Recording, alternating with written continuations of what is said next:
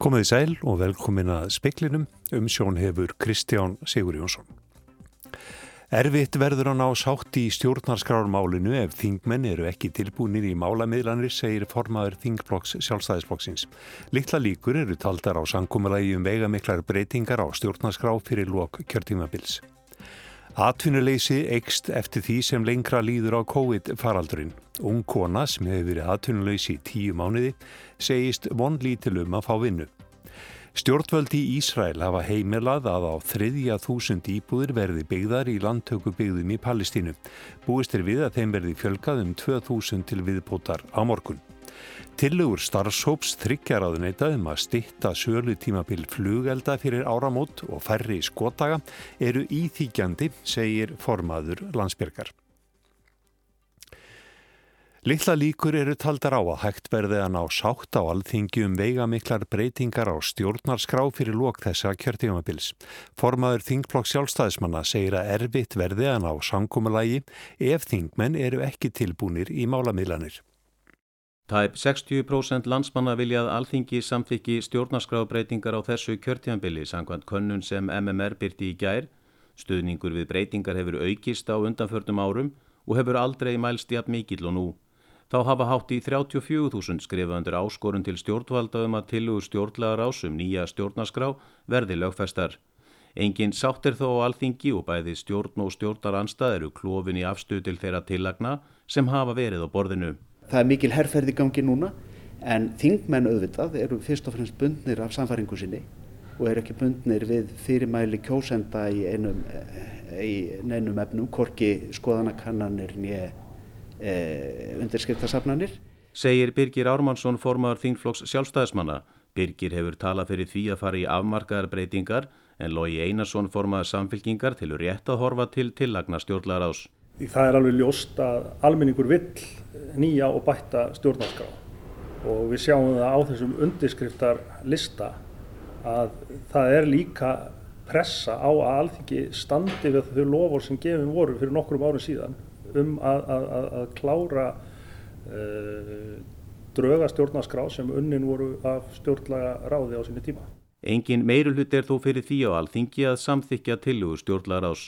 Nei, það er heldur ekki samstæða um það tilugur sem er inn í forman og hópi stjórnmálflokkara núna.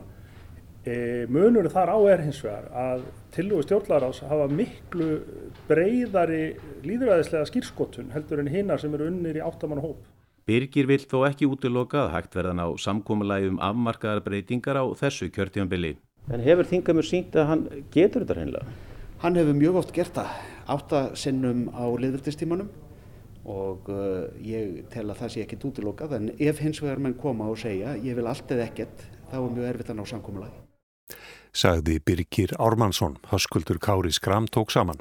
Frettastofa óskaði einni eftir viðtali við Bjarnar Benediktsson formann sjálfstæðisblokksins vegna málsins en hann baðst undan því. Stjórnvöld í Fraklandi ætla á nýja lýsa yfir neyðar ástandi af heilbreyðis ástæðum við að reyna að koma böndum á útbreyðslu koronaveirunar. Emmanuel Macron fórsiti flytur sjómarfs á varpa á næstu mínútum þar sem hann fer yfir ástafanir sem grýpa á til í baráttinu við veiruna. Það er ganga í gildi á lögardag. Sangvand heimildum AFP fréttastofunar. París, sjö aðrar borgir í Fraklandi og eigin Guadalupe í Karibahavi eru þegar á hæsta viðbúnaðastígi vegna veirunar. Börum hefur verið lokað og samkomi bann hert svo nokkuð sínemt. Formaður landsbjergar segir tilugur starfshóps þryggjaráðinita um að stitta sölu tímabil flugelda og leifa fólki að skjótu upp einungis þrjá daga íþingjandi. Illa hefur gengið að finna aðra fjáröfluna lið. Lagt er til að einungis verði heimilt að selja flugvelda 30. desember, 31. desember og 1. januar. Áður mótti selja þá frá 28. desember til 7. januar. Þá leggur hópunum til að einungis verði heimilt að skjóta upp stærri flugveldum frá klukkan fjögur á gamlastag til klukkan tvö eftir miðnætti á nýjásnótt, frá fjögur til tíu á nýjásdag og aftur innan sama tímaram að 7. januar. Sigurbjörg Sæmundsdóttir, formaður starfsópsins, segir ekki ásættanlegt að mengun fari yfir heilsuverndarmörk á tveggjára fresti vegna flugvelda. Því hafi þurft að grípa til þessara takmarkana. Bæði til að dragu loftmengun en líka óþægndin fyrir menn og skeppnur sem að geta líka verið bara af hávaðanum eða e, óþægindum og, og við þetta og þess maður ákveða að leggja til að takmarka tíma sem maður er skotið. Þór Þorsteinsson, formaður Slísavarnar félagsins landsbjargar, segir að reglurnar myndu hafa mikil áhrif á félagið þar sem flugveldasala er langstæsta fjáröflun þess. Eh, þetta er náttúrulega bara íþingjandi tillögur sem hafa áhrif á okkar tekistofna. Það er sótt að flugveldum og, og, og svo mun halda áfram og þess vegna þurfum við að finna aðra leiðir en, en okkur hefur gengið mjög illa að finna eitthvað sem að kemur í staðið. Landsbjörg hefur til að mynda selt græðlinga á sölustöðun sínum fyrir þá sem vilja styrkja félagið án þess að kaupa flugvelda og einnilagt áherslu á að selja flugvelda sem menga minna. Og við þurfum auðvitað að reyna að dansa í tætti tíma og það teljum okkur hafa verið að gera en um, um leið þá þurfum við auðvitað að fara að leita allra þeirra leiða sem við getum að, til þess að verja þetta meðan annað kemur ekki til sagði Þór Þorsteinsson, yngvar Þór Björnsson tók saman. Maðurinn sem lést í bruna í húsbíl í landi Torfastaða í gradningi hétt Einar Jónsson. Einar var með skráð lögheimili í Reykjavík. Hann var ókvæntur og barðlaus, fættur árið 1982.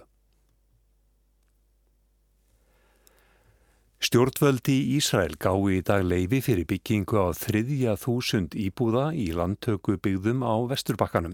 Ákverðuninn þykir draga ennú líkum á að friðarumleitanir við palestýrumenn hefjist á ný. Þetta er í fyrsta sinn í áttamánuði sem ríkistjórn Benjamin Netanyahu's heimilar stekkun hinnar ólöglegu landtökubyggða. Hún kemur innan við mánuð eftir að Ísraelsmenn undirrituðu samkómulag um stjórnmálasamskipti við Persarflóaríkin Bahrein og sameinuðu arabísku fyrstadæmin. Frá því var gengið gegn lofvorðum að Ísraelsmenn hættu við að leggja undir sig landsfæði á vesturbakkanum.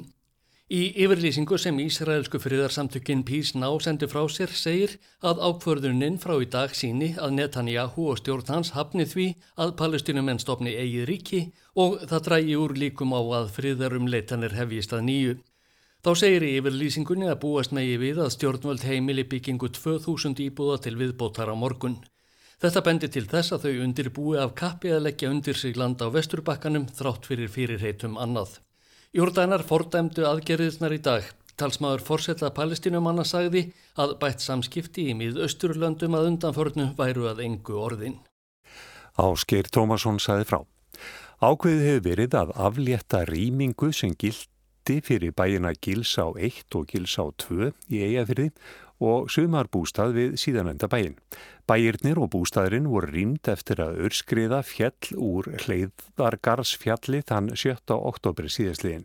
Sérfræðingar náttúrufræði stofnunar Íslands og viðstofunar mátu aðstæður í fjallinu í gær og fundu í dag á sand ábúendum, lauruglun á Norðurlandi Eistra og almannavarnar nefnd ríkislauruglustjóra með fyrirgreindri niðurstöðu. Ungu fólki gengur sífælt verð að fá atvinnu. Atvinnuleysi eikst sífælt eftir því sem lengra líður á faraldurinn. Ung kona sem hefur verið atvinnuleys í tíu mánuði segist smátt og smátt verið að missa vonina um að fá vinnu. Horverðnar eru ekki góðar. Tæplega 18.500 manns voru atvinnuleys í lok september og yfir 3.000 á skertu starfslutfalli. Um 5.000 hafa verið atvinnuleys lengur en 6 mánuði. Yngibjörg Andrea Hallgrímsdóttir er 27 ára viðskiptafræðingur. Hún er búin að vera atvinnulegs í tíu mánuði. Það er bara mjög augljóst að það er, uh, það er svo ótrúlega margt fólk að sækja um sömu stöðuna þannig að jafnvel þó eitt og eitt starf þetta inn að þá er bara, þú veist, fara ekki svar fyrir mörgum mánum setna sé búið að ráða í stöðuna. Þetta er mjög þreytandi og um, maður svona svolítið missir vonina bara með að fá vinnu og vita í rauninni ekkert hvenar maður fyrir aftur að vinna sérstaklega veist, í fyrstu náttúrulega bara upplýtt stjörf og, og alveg á því að þú veist ef ég fekk ekki þetta þá er eitthvað annað betra sem að kemur setna og eitthvað svona en núna líka bara í þriðju bylginni þetta einhvern veginn verðist ekki alltaf neitt endi að taka Þetta var Ingi Björg Andrea Hallgrímsdóttir, Bjarni Rúnarsson tók saman. Nánar verður rætt við hana í sjónvarsfréttum klukkan 19. Eftir rúman hálftíma eða klukkan 18.45 hefst landsleikur Íslands og Belgiu í þjóðadeild Karla í fókbólta á lögvallarsökti. Leiknum verður líst á Rás 2.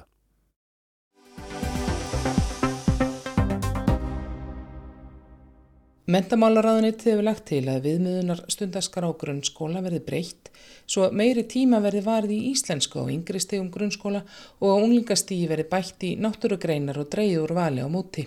Stemtir að því að breytingar taki gildi frá og með næsta skólaári.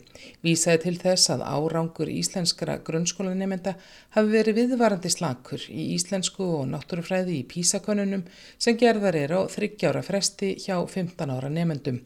Á morgun rennur út frestu til að skila inn umsögnum tilugurnar og hafa þegar borist á sjöunda tug umsagna. Sýnist þar sitt hverjum. Margir eru hugsi yfir skerðingu á vali. Lilja Alfredsdóttir mentamálar á þeirra segist fagna hverju umsögn sem berst.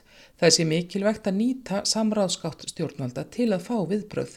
Tillögurnar séu hluti af mentaumbótum sem ráðist hafi verið í, mikil áhersla hafi verið lögð á nýliðun kennara og starfsþróun, það hafi skilað sér í fjölgun um sókna, um kennarnám og kennarar sinni sinni stöðugu endurmentun vel. Og svo höfum við að horfa til þessa, hvað er Ísland að gera öðruvísi en á hinu Norðurlandunum? Eða annars ára Norðurlandunum og eitt af því sem við til dæmis komumst að er að, að hlutfall náttúrugreina af heildarkennslu úlinga er hlutfallslega mun lærra á Íslandi. Og við sjáum það þegar við erum að líta á hérna alþjóðlegu mentaransók sem efnahás- og framfærastofnin gerir að þá e, hefur svona þekking e, íslenskra ungmenna hún hefur ekki verið sambærileg því til að mynda eins og í Íslandi og í Finnlandi og þá hljótu við að skoða kann að vera, tengist þetta námsefninu, tengist þetta því hvað þetta eru margi tímar og eitt og annað. Og þannig að við vildum setja þetta út, fá viðbrögð og nú ætlum við að vinna úr þessum umsögnum og huga því hvernig náum við utan með þetta, hvernig getum við bætt leskilning, e, þurfum við til að mynda að auka þá íslensku allstafar sem er líka einn nálgun en við sjáum líka að við erum með e, móðumálstímar hér á landi, þeir eru hlutværslega færri en annars ára Norrlandunum og þannig að þeir verðum að reyna átt okkur á því hvað, af hverju erum við það sem við erum og þá hljótu við að skoða allt sem er í mentakjörun okkar. En þá vil ég líka segja að eitt það sem er mjög ánægilegt er að, að börnin okkar þau eru mjög glöð í skólanum og það er mikil vellíðan í mentakjörun okkar þannig að verkefnið er að, að, að fara í það hvernig eh, bætu við leskilning en höldum líka öllu þessu góða sem er alveg samfórum að við getum gert. Skúli Helgason, borgarfulltrúi samfélkingarnar og formaði skóla og frístundarás Reykjavíkur, segist taka undir það að rína þurfi hvað gert er í skólum og gera það sem þarf til að styrkja stöðunni mynda í þessum greinum, það er móðurmáli og náttúrugreinum. Við erum algjörlega til í samstarfið við ráð þeirra um, um þau markmið.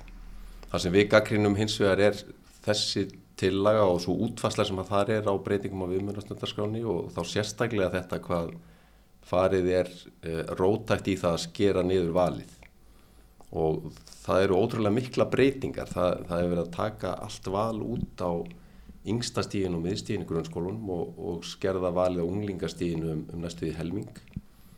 Og það sem er alvarlegt í því er sko þetta er þvert á það sem er mjög jákvæð þróun í skólastarfi sem er það að við erum verið að auka svegarleika, við erum að hlusta meira á það hvað nefnendur hafa að segja uh, og hvað nefndur hafa áhuga á því að gera í, í skóla og frísundarstarfinu reyna að vinna með þeirra styrkleika og byggja upp svolítið áhuga kvötina þannig að það komi allir geislandi á áhuga og nesta inn í skólan og síðan að finn, fástu verkefni sem að hæfa þeim og, og, og svolítið örfa þau til dáða.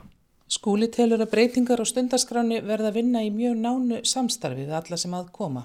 Samstarfið mentamálar á þeirra hafa verið gott á kjörtímbilnu og góður grunnur þar lagður en það þurfa að horfa til fleiri þáttar en fjölda kennslustunda. Hann bendir á í náttúrugreinum vantar sérhaða kennara.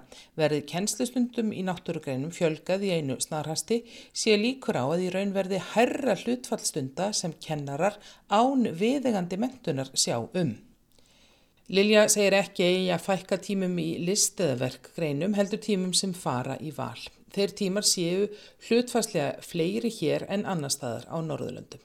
Ég heyri það og það eru margir sem segja sko valið bara skiptir sköpum hjá svo mörgum nefnendum og við auðvitað hlustum á það E, eru þá aðra leiðir til þess að, að líta á og, og ebla móðmálskjenslu?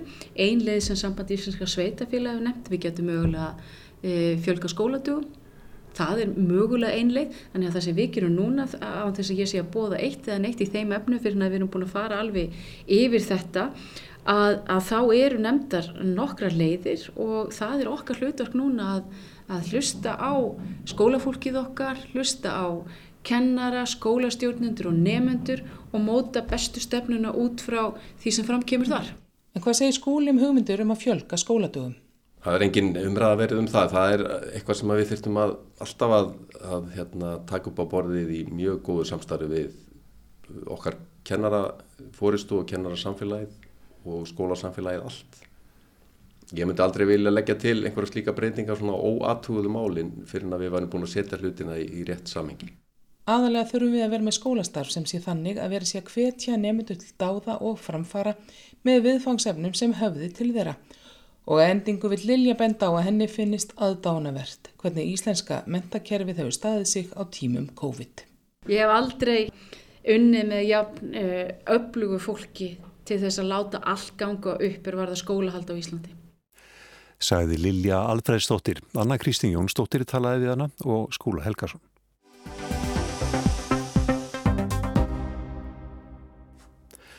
Norðmenn segjast vita með vissu að rússar hafi í sumar gramsaði í tölvupóstum þingmana og starfsfólks á stórþinginu. Þeir mótmæla harlega en rússar vísa öllu á bug sem áróðri. Sambúríkjana versna stöðugt með stöðugt nýjum njósnamálum. Gísli Kristjánsson. Yfirlýsing norska utaríkisráþarans var að því leiti óvennileg að þar var annað ríkið berum orðum sakað um brot í samskiptum þjóða í stað þess að láta því liggja hvar sökin væri. Ine Eriksen Søreiði sagði í fréttatíma norska sjónvarsins NRK. Ja, det at vi gjør dette offentlig er en veldig sterk diplomatisk reaksjon. Vi har vært veldig klare på at dette er en veldig alvorlig hendelse. Det angriper vår viktigste demokratiske institusjon. Þetta er mjög alvarlegt mál og því er það ákvörðun okkar að segja skýrt og greinilega frá því við þetta verður ekki búið, sagði Söreiði eftir að hafa kallað sendiherra Rúslands inn á teppið í gær. Þetta eru viðbrög við því að í ágústi sumar uppgötaðist að einhver hafi brotist inn í tölvuposta margra þingmanna á stórþinginu og inn í posthól starfsmanna þingsins. Leini lögreglu hersins var falin rannsókn málsins og svo rannsókn stendur enn án þess að endanleg nýðustöðaliki fyrir. Hins vegar sagði utaríkisráþara að þegar væri víst að rússarstaða baki því var ekki beðið með að segja frá og kvarta ofinberlega við rúsnesk yfirvöld. Rússar vísuðu þessu þegar á bug og sögðu á ásakanir normanna aðeins eina af mörgum tilrönum til að kenna rússum um allt það sem miður þætti fara í samskiptum þjóða. Auk þess legðu normen ekki fram sannanir máli sínu til stuðnings. Þetta verða að teljast hefðbundin við bröðahálfu rússa. Norðmenn ætla ekki að byrta sönnunagögnin sem þeir segjast hafa. Nei, vi kommer ikke til å offentliggjøre grunnlaget, og det har den enkle forklaring at det vil gjøre det lettere for framtidige trusselaktører. Við gerum það ekki því það myndi aðeins afhjúpa hvað ráð við höfum til að verjast árásum af þessum tægi, saði norski utarækisráþurann. Þetta síðasta nósnamál grefur enn undan sambúðinni við rúsa Nú um nokkur ára bil hafa stöðugt komið upp ný og ný njósnamál með tilheyrandi ásökunum á Vísl. Þetta er annað njósnamálið í Óslo og þessu sumri því ágúst var maður handtekinn grunaður um að selja rúsneskum sendiráðsmannu upplýsingar. Í fyrra var rússi handtekinn í Óslo eftir að hafa sínt ljósrýrtunavélum á stórþinginu sérstakann áhuga. Hann var þar á námstefnu Maðurinn satt inn í mánu sagaður um njóstnir en var svo sleft þar sem engar sannanir fundust og ekki ljóst hvort nokkuð væri að græða fyrir rúsa á að skoða ljósritunavélar. Þetta gerðist með að norski landamæravörðunum Frúði Berg satt enn í fangelsi í Moskvu sagaður um njóstnir. Hann hafði sem eftirlaunamæður tekist á hendur sendiferði til Rúslands með peninga í brúnum brevboka að sögnu rúsa til að kaupa hernaðalendarmál og flotastöð í norður Rúslandi. Norsk yfirvöld hafa aldrei viðukent að Fróði Berg hafi farið á þeirra vegum en greittu honum þó vandgjöldin laun við heimkomuna. Litáar hafðu milligangum að fá hann lausan í fangaskiptum við rúsa. Þetta var alltið vandræðilegasta mál fyrir norðmenn. Núna likur ekki fyrir eftir hverju var að slæjast í tölvupóstum í stórþinginu. Vart þarf að efast um að norski utargeðsráðrann hefur réttu að standa um að rúsa standa að baki áhlaupunu. Annað mál er svo hvort grams af þessu tægi er erfiðisins virði. Upplýsingar um stærstu ríkislendarmál er varla að finna í þessum póstum en sérfræðingar um öryggismál benda á að rússar hafi vaksandi mæli áhuga öllum umræðum ráðamanna síðan á milli. Þannig megi komast að ósætti til dæmis meðal þingmanna um hinn ólíklegustu mál og miða svo áróður sinn við það. Markmiði sé að valda sundrungu innan erlendra ríkja. Því geti hvaða smáadriði sem er skipt máli. Þessi aðferð þótti gefa góða raun í bandaríkjónum við fórsetakostningarnar fyrir fjórum árum. En sem komið er hefur engun sendimanni verið vísað á landi, hvorki frá Óslóni eða Moskvu Orðaskipti ráðamanna í höfuborgunum geta þó þróast á þann veg að einhverju sendi fulltrúar verða að finna sér far heim.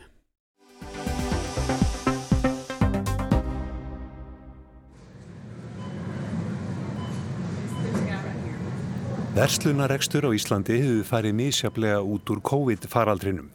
Búðir sem reyða sig hvað mest á að selja erlendum ferðamönnum varning eigum sárta binda. Aðrar veslanir hafa notið góðs að því að utanlandsferðum Íslendinga hefur snar fækkað árunu og peningur sem hefði farið í vasa búðareigenda út í heimi varð eftir hér heima. Árni Sverrir Hafstinsson, forstuðum að rannsóknasettus veslunarinnar, segir að COVID-faraldurinn hafi almennt séð haft hvetjandi áhrif á veslun innanlands hinga til. Það er, ég er nú veru svolítið ólíkt eftir flokkum vesluna hvernig þetta kemur fram. Við metum þetta náttúrulega bæði á okkar eh, tölum um kortaveldu og svo einni öðrum hagtölu sem við höfum aðgangað. Við sjáum það að það eru nú eikst mjög mikið bæði netverslun og svo líka verslun í, í búðum. Alltaf þegar faraldun ríkur upp, líklega hugsa fólk með sér að það vilja hafa sér eitthvað til dundurs. Við byrjum ráttæki, við sjáum líka ákveðin áhrifin á myndum að kaupa meira áfengi, ekki fyrir á veitingarstaðið eða papp og kaupir áfengi þar og svo bara meiri dagvöru og það mögulega ekki fólk vilja gera betur við sig heima við að hafa það huga á að fara að minna á veitingastæði. En er einhverjir flokkar sem að hafa farið illa út úr faraldrin? Ef við lítum á, á vestlununa einangrað að þá fór til og með þetta fataverslun, hún, hún fór hérna nú ekki vel út úr síð vor. Hún fór niður þá tölvert. Ástæðan kannski verandi svo að fataverslun svona, já margar fataverslunni byggja því að maður er lengi í verslunni og þröngi rekkar þar sem maður lappar um og, og skoðar er þá kannski hætt á návíi við aðra en þegar ég er að rýna í tölu sem við erum ekki búin að byrta en þá um kortaveldu í september þá segja að fataveslun við erum ekki hafa farið niður núna einhverjum ástæðum en það má kannski þá líka horfa til þess að þessi þriðja bylgja, hún fer nú ekki að fara upp fyrir svona um miðjan september og við erum kannski ekki komin í hörðustu aðgerðnar fyrir kannski svona svolítið síðast þannig að við sjáum það kannski með oktobertölunum. En uh, nú er vetur framöndan, atvinnuleysi ekst, jólin eru framöndan, hvernig sérðu málinn þróast núna næstu vikurnar? Þetta er eh, mjög áhugaverð spurning og það er erfitt að segja til um það. Bæðið náttúrulega því að uh, jólin eru nógu langt fram í tíman til þess að við veitum ekki alveg hvernig faraldurinn mun hegða sér á þessum tíma. Ef við berum saman það sem að Íslandikar hafa eitt í útlöndum með greiðsleikortum, að lækkurinn þar, hún hefur svona nánast, já ég segi ekki på krónu, en ansi nálegt í hefur hún, hefur við getað sagt að, að henni hefur verið bætt við innlenda verslun. Þannig að verslun í útlöndum sem hefði orðið til dæmis fyrir jólinn, hún gæti mögulega færst heim. Svo er það alveg satt eins og nefnir að það er uh, atvinnlegs í kortunum og það eru svona svolítið ólík á milli hópa hvenar það atvinnleysi kemur fram í kaupmætti.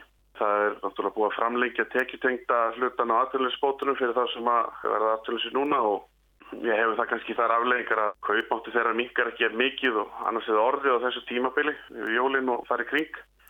Nú voru fréttir að því í morgun að veslanir í miðbæri Reykjavíkur sem að kannski gera meira út á erlenda túrista, það er, eru það að loka eða hafa lokað en uh, á sama tíma þá náttúrulega fara Íslandingar ekki til útlanda. Skiptist þetta ójamt niður á tegundir veslana?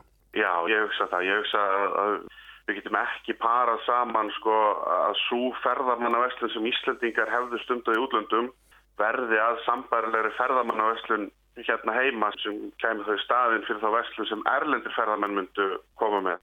Það er kannski ekki hægt að segja að þessi klassíska sko, Íslandika myndi ekki kaupa sem minnjagripi á Íslandi bara því að þeir gátt ekki kemur minnjagripi í útlandum.